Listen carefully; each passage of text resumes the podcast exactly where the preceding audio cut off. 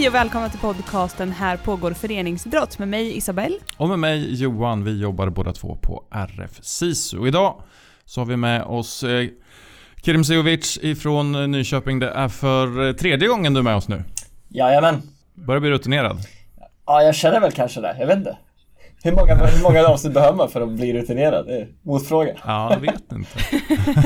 Vi ska räkna alla dina, så när du är på 17 avsnittet. Precis. Då. härligt.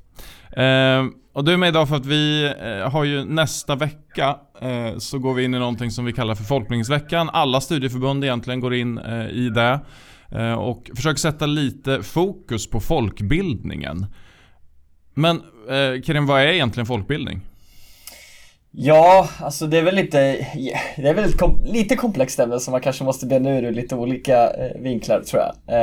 Eh, och vi har ju ett avsnitt tidigare där vi har pratat lite grann om folkbildningen men kanske framförallt lärgruppen då som, som verksamhetsform.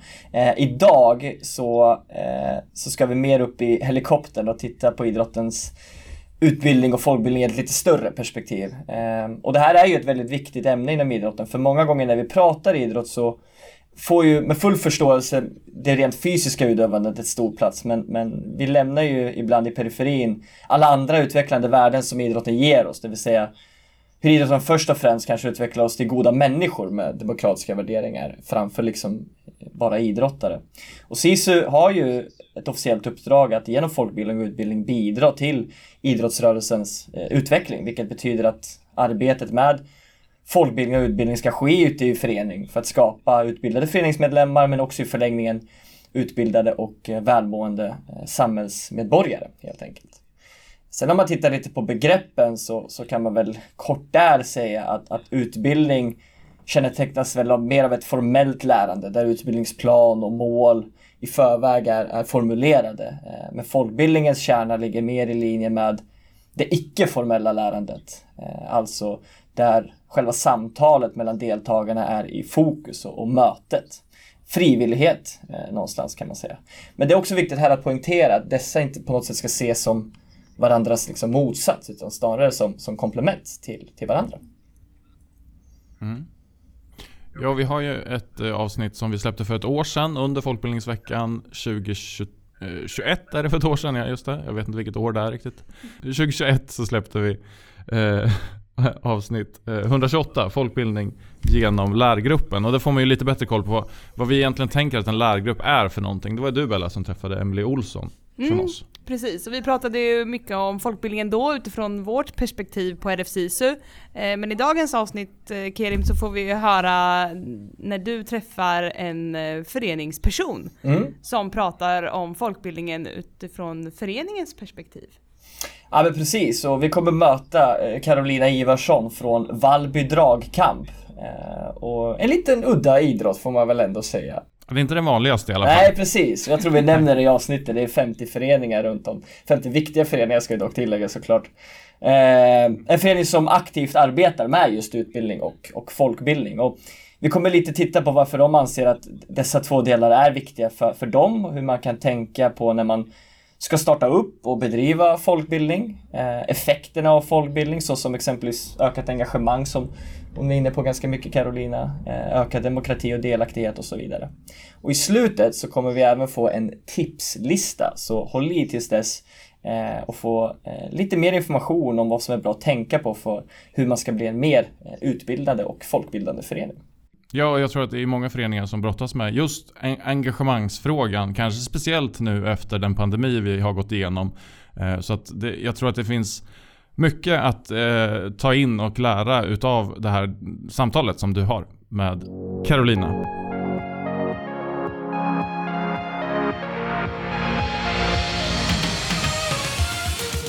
Eh, denna soliga oktoberdag befinner jag mig tillsammans med min gäst Caroline Ivarsson i Uppsala. Eh, en rent idrottshistoriskt viktig stad. Eh, vi har faktiskt Sveriges äldsta idrottsförening från Uppsala.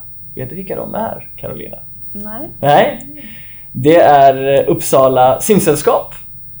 Så att, eh, en liten tillbakablick. Så, jag tror de grundades 1796, om jag inte misstar mig helt. Sveriges äldsta idrottsförening. Kan Uppsala slå sig om bröstet för.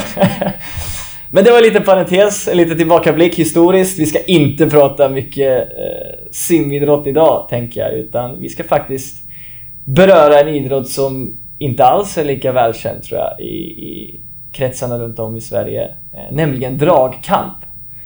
Och eh, jag hälsar därför dig varmt välkommen Caroline Iversson, sekreterare och tränare i Vallby dragkamp. Välkommen! Ja, tack så mycket! Kul att ha dig här! Ja, eh, från, en, här. ja, från Enköping. Jajamän. Ja. Eh, hur är läget annars? Är det bra? Ja, det är bra Mm. tycker jag.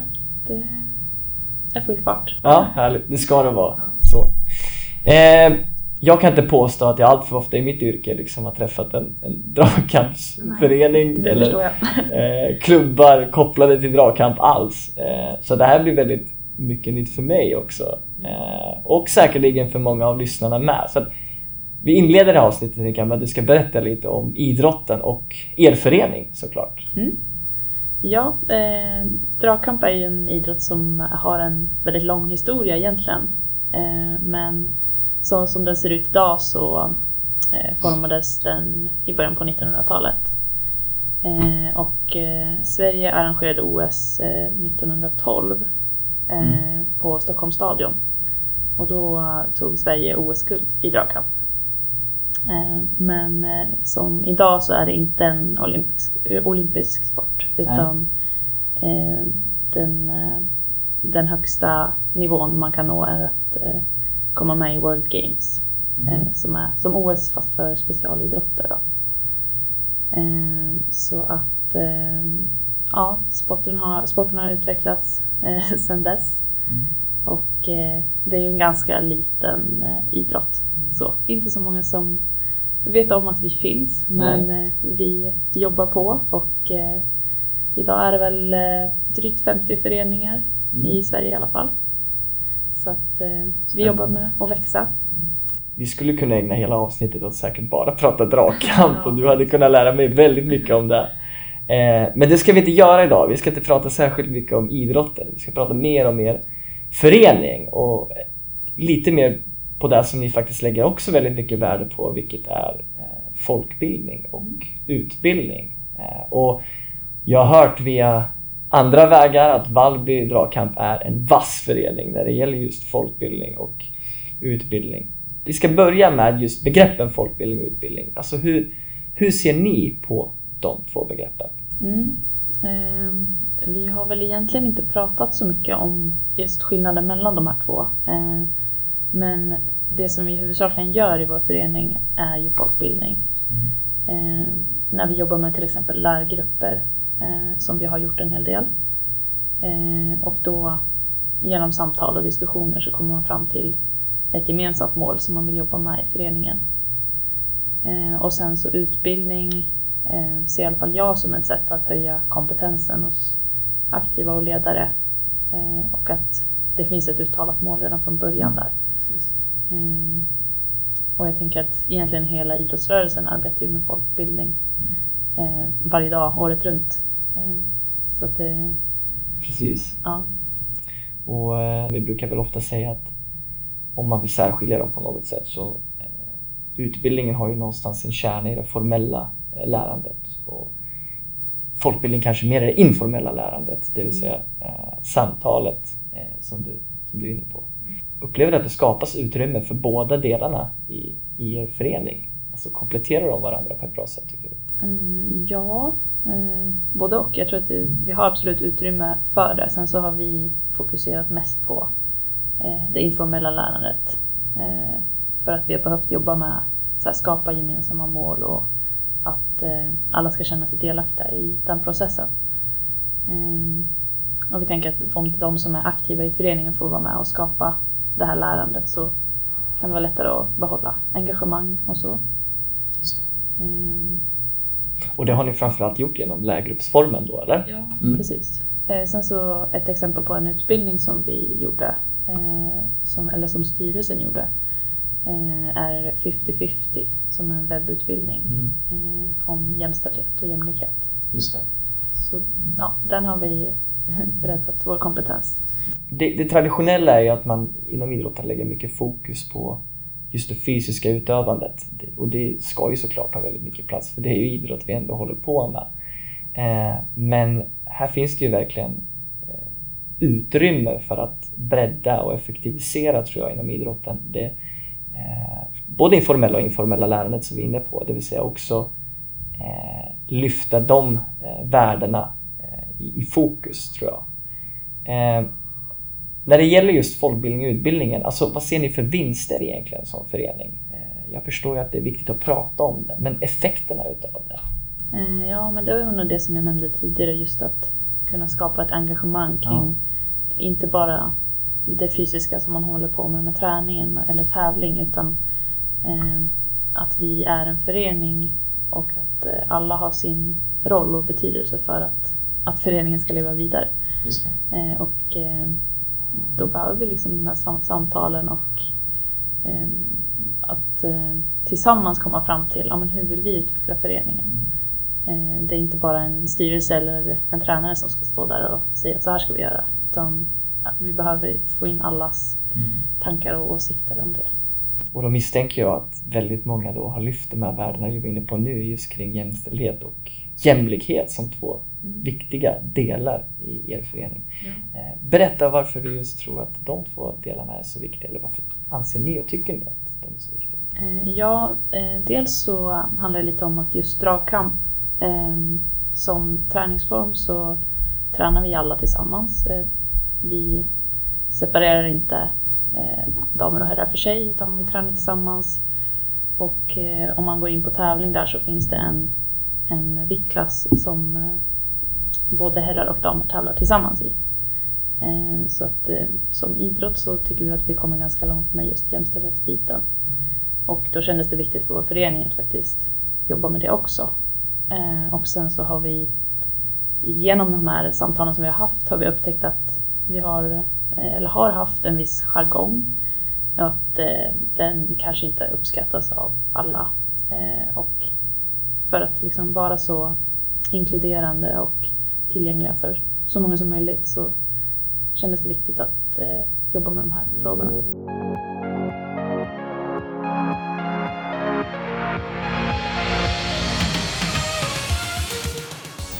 folkbildning och utbildning kan ju te sig på många olika nivåer också. Det kan ju dels vara liksom så här styrelsen som arbetar och bearbetar övergripande ämnen som kan kanske kräva mer omfattande tid som exempelvis framtagandet av mål eller visioner eller värdegrundsarbeten eller liksom jämställdhet, jämlikhetsarbeten för den delen också. Eh, men det många kanske ibland glömmer att folkbildning och utbildning också sker i, i kanske de simpla formerna och de mest vanliga sammanhangen. Alltså jag tänker korta samtalsstunder efter träningar exempelvis i lagen eller ja, om där man pratar om hur man är en bra kompis eller skillnaden liksom, på att arbeta på strategiskt jämfört med operativ nivå. Det finns ju olika nivåer men jag tror att båda två är väldigt viktiga för att skapa en bra förening. Det vill säga vi har både gräsroten och vi har det strategiska. Eh, men ofta pratar vi kanske mer om det liksom övergripande. Det är ledarna, det är styrelsen som ska jobba med de här delarna. Mm. Mycket framförallt. Mm. Eh, och min upplevelse där är väl någonstans att många föreningar tror jag önskar lägga mer fokus på utbildande och folkbildande insatser men eh, upplevelsen är väl att kanske det är lite svårt att organisera och kanske strukturera upp eller kanske lite svårt att veta vart man ska börja. Antingen för att man upplever att man inte har tid att prioritera eller att det inte finns tillräckligt med engagemang. Vi var inne på det också här nu. Eh, eller för att man inte eh, vet vem som ska dra i frågan. Eller, ja, det kan vara väldigt många olika delar. Eh, så den naturliga frågan här blir liksom, hur, hur har ni hittat nyckeln för att organisera och strukturera upp era utbildande insatser i Valby? Vad har ni för eh, nycklar där? Ja. Eh, som jag sa tidigare så har vi jobbat mycket med lärgrupper och de har varit väldigt eh, eh nyttiga för att det finns liksom redan en struktur att använda mm. i dem. Och det finns material att använda sig av. Eh, så de har hjälpt väldigt mycket. Eh, och vi har ju bra kontakt med vår RFSISU-konsulent. Mm. Eh, så att eh, det är viktigt att ha en bra kontakt där. Ehm, och sen som du sa, liksom att lägga in kortare samtal i samband med träningar eller andra aktiviteter som man gör i föreningen. Eh, att bara ta lite tid till att prata om någonting. Mm. Om någon i föreningen upplever att det här tycker jag vi behöver ta. Antingen att man tar det som en mindre, eh, mindre samtal eller diskussion eller faktiskt, ja men vi kanske behöver tre träffar för att prata om det här och komma fram till någonting. Precis. Eh, att man ser till att fånga upp sådana här saker som, som eh, de aktiva lyfter. Har ni då uttalat liksom att i år ska vi jobba, liksom, har ni exempelvis ett årshjul där ni vet att så här många utbildningar ska vi ha, så här många folkbildande insatser vill vi nå? Eller hur funkar det där? Eller tar ni det mer utifrån kanske spontanitet när läget dyker upp? Eller? Ja, mer så skulle jag säga. Ja. Och när vi känner att det finns ett behov. Ja. Ehm, Sen så skulle man ju absolut kunna strukturera upp det. Mm. Eh, Kanske som du sa med årshjul, det, eh, då blir det på något sätt att man vet om att eh, man kommer, eh, kommer göra någonting, Precis. eh, en insats. Så att, ja. Mm. Och du är inne mycket på engagemang. Mm. Det är ju en nyckel i väldigt många frågor när det gäller det ideella eh, föreningslivet. Eh, Hur har ni lyckats i Valby med att engagera folk att komma på och delta i era medlemsträffar, i era utbildningsinsatser, era folkbildningsinsatser? Ja, det är inte alltid det lättaste. Nej. Eh, så. Men eh, jag tycker ändå vi har lyckats få med eh, majoriteten av, eh, de, av våra medlemmar i föreningen. Och eh, någonting som jag tror att vi ändå har gjort bra är att eh, försöka vara ute i god tid med inbjudningar om man ska ha någon typ av träff. Eh, och att vi kan anpassa så att det, det tillfället funkar för så många som möjligt. Mm. Eh, Eftersom vi är en ganska liten förening ändå så, så upplever jag att det är, det är ganska lätt att, eh, att anpassa efter våra medlemmar. Men sen kan det inte passa för alla. Men, Nej. Eh, Och sen att eh, se till att bjuda på något när man träffas och att göra det till en trevlig stund. Fika, smörgås, kaffe. Ja. Där är du inne på något viktigt tror jag. Just lite grann kring det här med mervärdena. Alltså man ska inte underskatta mackans kraft. Så att, nej, men jag håller med. Det är viktigt att trycka på de delarna. Eh, Alltså vart bjuder vi in? När bjuder vi in? Hur frågar vi? På vilket sätt? Bjuda på det lilla extra eh, för att få någon att fastna för någonting. Eh, Och på tal om att fastna, jag var inne på er hemsida eh, och kikade lite runt. Eh, Och just det här med att, som ni skriver, citat, all träning sker tillsammans, alltså inte uppdelat i grupper, vilket ger en stark gemenskap och sammanhållning mellan alla aktiva. Du var inne lite på det här och berörde det i, i inledningen av avsnittet. Är filosofin, den är densamma när det gäller utbildningsdelen? Ja, det skulle jag säga. Ja. Eh, Vi gör precis likadant där. Vi vill få med alla Ja. och eh, det liksom finns ingen anledning för oss att, att dela upp oss på något vis. Just det. det finns inga utmaningar tänker jag i samtalet eller utbildningens gång som ni ser där? Eller, eller känns det mer som att nej, det här funkar väldigt bra? Ja, mestadels bra Ja. tycker jag. Eh, Det som är bra är att vi, alltså, vi är väldigt blandade eh, i vår förening. Så unga, gamla, Just det. Kvinnor och män. Eh, och får vi med liksom, eh, en bredd av olika människor så, så blir det väldigt bra samtal och eh, man får med alla åsikter och Visst. sånt. Folkbildningens kärna. Ja. Det är väl egentligen där du är inne på Ja. tänker jag. Utbytet mellan människor. Ja. Eh, du har fått ett litet uppdrag av mig, Carolina. Eh, och det är att ta fram lite tips till lyssnarna. Eh, och dessa tips är då riktade till föreningar som idag antingen vill effektivisera sin folkbildning och utbildningsinsatser eller kanske bara liksom letar efter ett sätt att börja någonstans eh, för att få igång mer folkbildning och utbildning. Så Carolina, dina tre tips för hur man blir en mer utbildande och folkbildande förening, vilka är det? Ja, först och främst att eh, kontakta RFSISU-distriktet som eh, ni tillhör. De sitter på jättemycket bra information och kan som sagt stötta i arbetet. Eh, och nummer två är att börja och fokusera på ett område där ni ser ett behov av mer kunskap. Det gör det så mycket lättare att, att faktiskt komma igång än att man ska dra i alla trådar samtidigt. Och nummer tre är att skapa tillfällen i den befintliga verksamheten för samtal kring frågor som är viktiga för er och era medlemmar.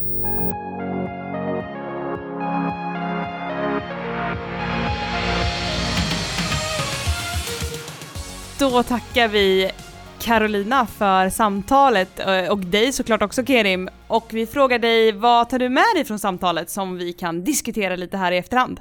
Ja, men vi är ju inne på eh, många viktiga faktorer och, och delar eh, under samtalets gång. Och det som jag slås mycket av det är att jag märker ju när jag är på plats Carolinas engagemang för den här frågan, att den är eh, väldigt viktig.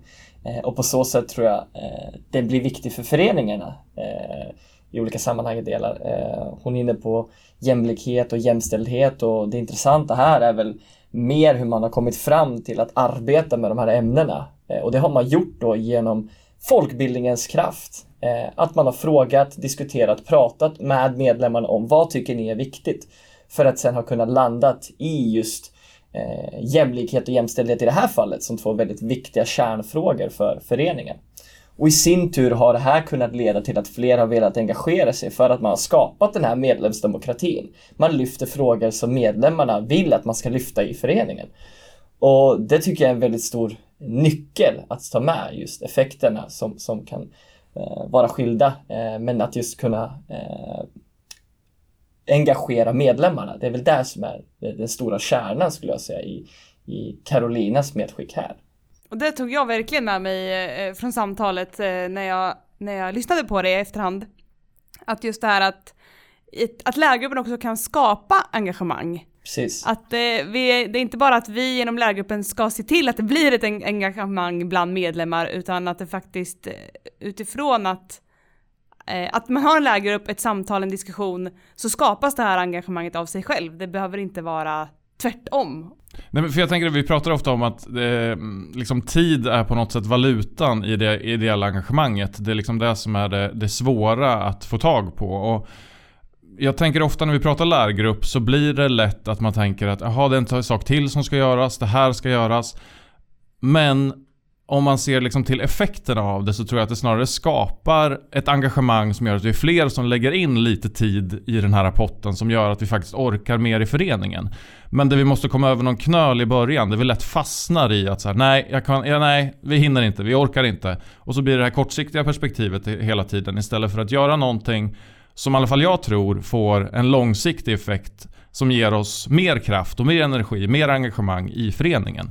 Eh, och det där kanske, jag tror att vi som RFSIS-konsulenter ibland kanske är lite dåliga på att prata om det också för vi fastnar lätt i att ja, men det här är bra för att eh, vi får igång en diskussion och eh, rapportera in timmar och pengar och hela den grejen som det liksom blir av det istället för att liksom se till att få fram det här. Vad är det som faktiskt skapas utav de här samtalen istället? Ja. Ja men precis, och jag tror du är inne på en väldigt viktig nyckel där och det är att lyfta de frågorna som vi är intresserade av i vårt sammanhang. Alltså, det, man får ju bara blicka till sig själv. Om man är i ett forum eh, någonstans där folk pratar om saker som man är ointresserad av, ja men då går man ut i rummet kanske. Mm. eller att man kopplar bort bara. Man vill, alltså, det, man känner kanske att man inte har något att bidra med eller man orkar inte organisera sig. Det är klart att andra saker blir mer intressanta då. Men om du redan från början har kunnat skapa och hittat nycklar i vad är vi intresserade av vår förening och konstant jobbar hårt med den frågan. Då tror jag det är klart blir enklare att engagera människor generellt. Eh, att vara med och bidra och delta. Och sen får man liksom någonstans, ibland tycker jag som du är inne på Johan, att vi, vi fastnar inom idrotten på att prata om det som vi som idrott tycker är väldigt bra. Eh, och då kan det bli väldigt brett tror jag för många ideella föreningar. För det är trots allt, det är inne på i avsnittet också, en ideell folkrörelse. Folk har ju eh, i mån av tid möjlighet att göra sådana här saker. Men då ska man ju liksom effektivisera den tiden och kanalisera det i, i någonting som vi tycker om så att det blir bäst effekt utav det. Och är det då jämställdhet och jämlikhet som ett område, det är väl jättebra. Jobba på det och arbeta med de frågorna. För då finns en annan förening som är bra på ett annat ämne som kan jobba med de frågorna exempelvis. Eh, så att vi får inte fastna för mycket i att liksom tänka att vi ska rädda världen som jag ibland kan uppleva inom idrotten. Utan, utan jobba med kanske en fråga som ni tycker är skitviktig. Eh, men de andra delarna kommer ju på det här sättet också eh, komma upp i ljuset. Tror jag. Ja, det behöver inte vara eh, den typen av frågor som jämställdhet och jämlikhet som ju ändå är liksom en ganska stora fråga. Det kan vara mycket mindre frågor också att prata om hur ska vi hantera försäljningarna i klubben på ett bra, så effektivt sätt som möjligt. Alltså, det behöver inte vara som du är inne på, de här världsfrågorna som vi diskuterar i liksom politiken och i, i sådär också. Utan det kan vara sånt som ligger mycket närmare föreningen också. För att då tror jag att vi ser ett resultat ganska mycket snabbare också. Och då kan man förstå kraften i folkbildningen som vi brukar prata om. Verkligen. Eh, jag, jag tänkte på det också att de är inne på det här och de tipsar om att ta kontakt med sin eh, RFSISO-konsulent. Vad tänker ni är våran roll i det här med att skapa folkbildning ute i föreningarna då?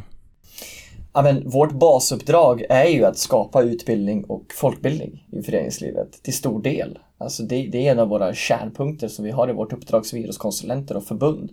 Och eh, Carolina är inne på att det finns gott om material att nyttja och använda så man behöver inte uppfinna hjulet på nytt egentligen oavsett ämne som man vill engagera sig i. Eh, utan här finns verkligen eh, förbundet och konsulenten som en resurs för föreningen för att kunna starta upp de här viktiga frågorna. Så att medskicket som förening här tänker jag att man behöver inte sitta själv och trampa och tro att vi måste komma på något revolutionerande själv. Första steget skulle jag säga att ta kontakt med din konsulent så kan den personen hjälpa er att bygga er eh, resa och, och effektivisera er folkbildning och utbildning. Det tror jag är det absolut viktigaste steget. Börja där och så får man ta det därifrån utifrån förutsättningarna som finns. Mm. Om man tipsar sin förening på att eh, exempelvis lyssna på våran podd så finns ju ett eh, väldigt stort underlag där att samtala kring och jag tycker att Carolina beskriv, beskriver det väldigt enkelt i inledningen av ert samtal att eh, det är samtal och diskussion mot ett gemensamt mål. Ungefär så beskriver hon lärgrupp och folkbildning och det är ju en otroligt enkel beskrivning men det behöver inte vara svårare än så för att faktiskt skapa folkbildning. Eh, och det kan vara, precis som du är inne på innan Johan och du också Kerim, eh, vad ska vi göra för roligt i, till julavslutningen? Då skapar ju det engagemanget att det känns kul att prata om någonting som vi ska göra tillsammans istället för att vi är intresserade av det här så nu ska vi prata om det. Eh, det, kan, det kan gå åt båda håll. Absolut, verkligen. Ja, jag brukar tänka så här att så länge det finns engagemang i föreningen så kan vi som konsulenter och som förbund stå för någon typ, hjälpa till att få någon typ av struktur kring saker och ting. Eh, för det är vi ganska vana vid att jobba med folkbildning med andra. Så tänker man att eh, vi vill prata om det här men vi vet inte hur. Då är det ju verkligen läge att bara lyfta telefonen och ringa så kommer ni ha ett svar på det inom eh, en snar framtid. Eh, så att Verkligen. Alltså, jag tror ju på det här. Jag tror jättemycket på folkbildningen som kraft och jag tror att det sker så mycket av det här utan att föreningarna egentligen förstår att det är det de håller på med också. För att det är väldigt mycket så här den ideella verksamheten fungerar i samtal med varandra för att skapa någon typ av gemensamma mål eh, och eh, nå ett gemensamt resultat. Eh, så att det handlar ju bara om att få lite hjälp att kanske strukturera upp eller fundera kring hur kan vi göra på ett bra sätt och få lite verktyg för det. Så att verkligen, som Carolina säger, ta kontakt med den, det RFSISU-distrikt som ni har närmast för att komma igång med det här eller stärka det som redan är igång i er förening skulle jag verkligen vilja tipsa om.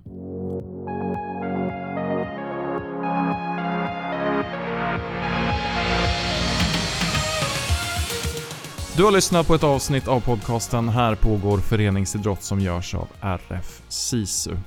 I den kommande veckan så går vi alltså in i folkbildningsveckan och vill ni hålla lite koll på vad som händer under den så kan ni gå in på sisuidrottsutbildarna.se. Där kommer det hända en hel del under den kommande veckan.